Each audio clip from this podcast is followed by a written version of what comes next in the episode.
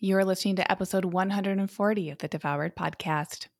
Welcome to Devoured, the podcast for women like you who have tried restrictive diet after diet and are ready for simple solutions and resources to help you lose weight for the last time from a place of abundance and peace. If you're looking to end the yo yo of comfort eating and rigid weight loss protocols and instead step into living your life on your terms while losing weight in the process, you're in the right place. What's up, my people? It is a snowy white day here in Portland, Oregon, and I, yes, I will say it, I am loving it. I'm loving it from the safety of my warm house. It will make for a very cozy weekend. I have the honor of not needing to go anywhere, and I am fully here to be embracing the snow in the winter of 2021. Pretty lovely. We are talking about a subject that I know so many people dread, which is dun dun dun the weight loss plateau.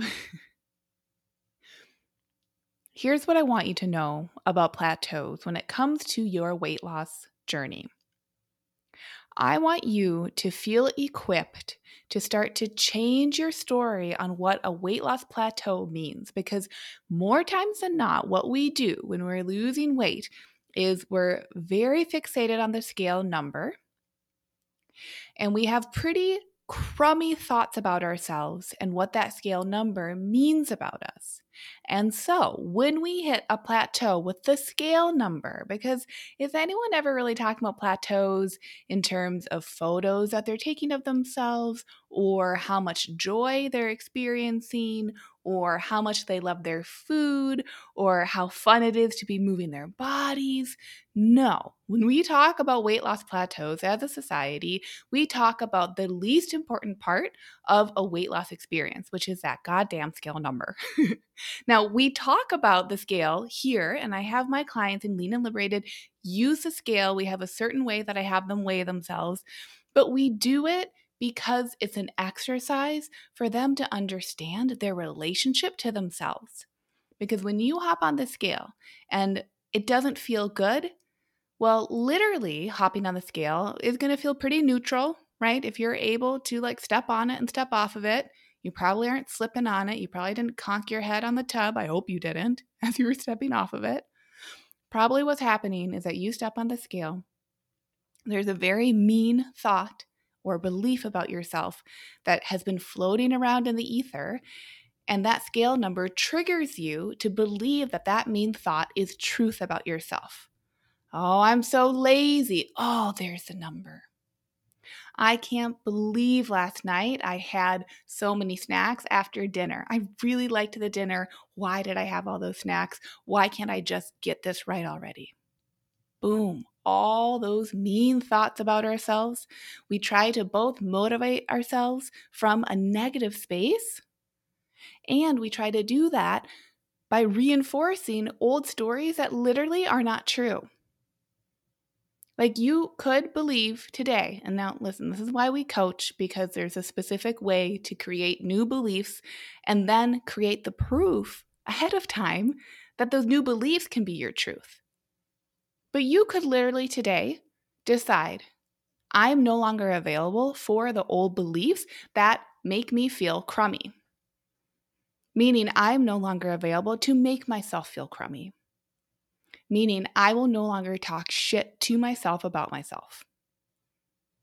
And so, when we bring that to the subject of weight loss plateaus, what is happening there is that we're coming across a new belief that we might not have understood that we have already had in our brains about ourselves.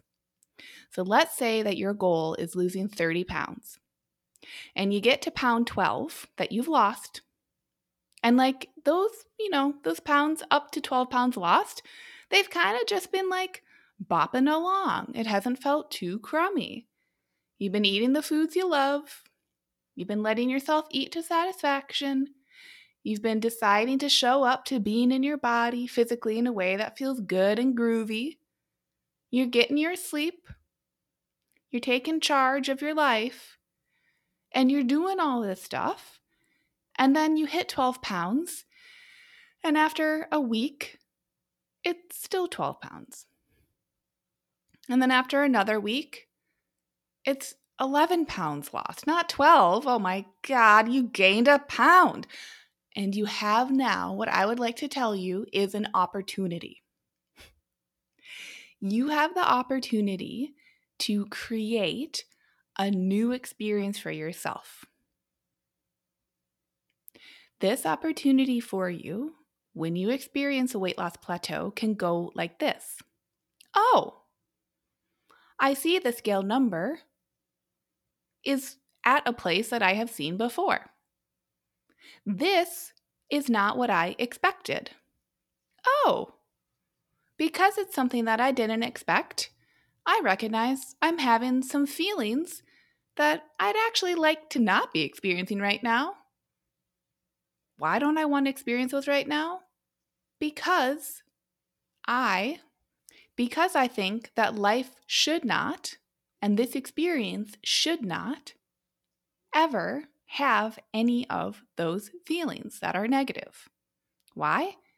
Because I believe a story that weight loss has to go in one certain way and I have to do it perfectly. Why? Because if I don't do it perfectly, then that must mean it's not working. Why? Because if that's not working, then that means that I truly am as horrible and as bad as I believe myself to be. Why? Because, and this is where you might find a story that you didn't know was there. It's something called a reference experience, a story maybe from your past that you might not have even realized is contributing to your thoughts and beliefs about yourself when you experience a weight loss plateau.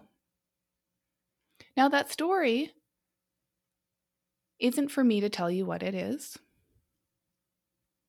What this episode is about is creating space for recognizing that a weight loss plateau can actually be either a normal event or even a positive event. And when I say positive, what I mean is that this weight loss plateau is an opportunity for you to dive more deeply into your old beliefs about yourself, like the subconscious ones, like the ones that you didn't know were there.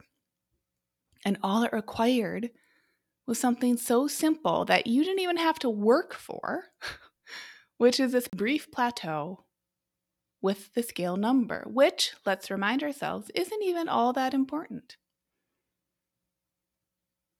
Now, I want you to go back to the episode How to Love Yourself Down the Scale because that will also really be helpful. If you hadn't heard that one yet, I'll link it in the show notes so you can just click it and know the number. That one will be really helpful for you to understand that the whole, our whole view on scale numbers is that once we get to them, we'll be happy. And we might logically know at this point, right? Because we're smart, badass women, that like the scale number isn't going to make us happy, but yet we don't feel safe enough to truly believe that because if the scale number doesn't make us happy, then what the fuck will? So, when you experience a weight loss plateau, this is your opportunity to understand your own stories more clearly. But what it takes isn't to double down on the diet, get out of the plateau, right? Because it's uncomfortable. It isn't to restrict yourself more fully and for longer periods, it isn't to go dive into one more workout. The opportunity that the weight loss plateau offers you is a chance to be with yourself. This is the core work of weight loss is finding opportunities at any turn to invite being with yourself. And not only being with yourself, which is very radical, might I add, that's a liberation, is being with yourself. But not only that, but once you are with yourself, it's then saying, I am so loved by myself that no matter what, I show up to my present experience fully unabashedly and wholly. what you'll start to find is that the weight loss plateau was never about that goddamn 12 pounds or 11 pounds, or the meaning of the, the pounds. It's about everything deeper. So, what if the next time you experience a weight loss plateau, you allow yourself to sink into celebrating it? Because the more we do that, the more the more you'll see that's what we are looking for anyway, was to tend to our own energy leaks that we didn't even know where our energy was leaking. And now that we have that awareness and we create play and curiosity and wonderment with that, we get to do the most beautiful thing in the world, which is to choose to take care of ourselves. Try that out this week. Think about the last weight loss plateau you had. If you have one coming up, which guess what? If you're losing weight, you will. Repeat this episode as much as you need. And remember, weight loss plateaus are here to serve you. They can be your friend too if you allow them to be. Did you know you can find more support from me on my website? Go to Lucia Hawley, L U C I A H A W L E Y dot com to connect.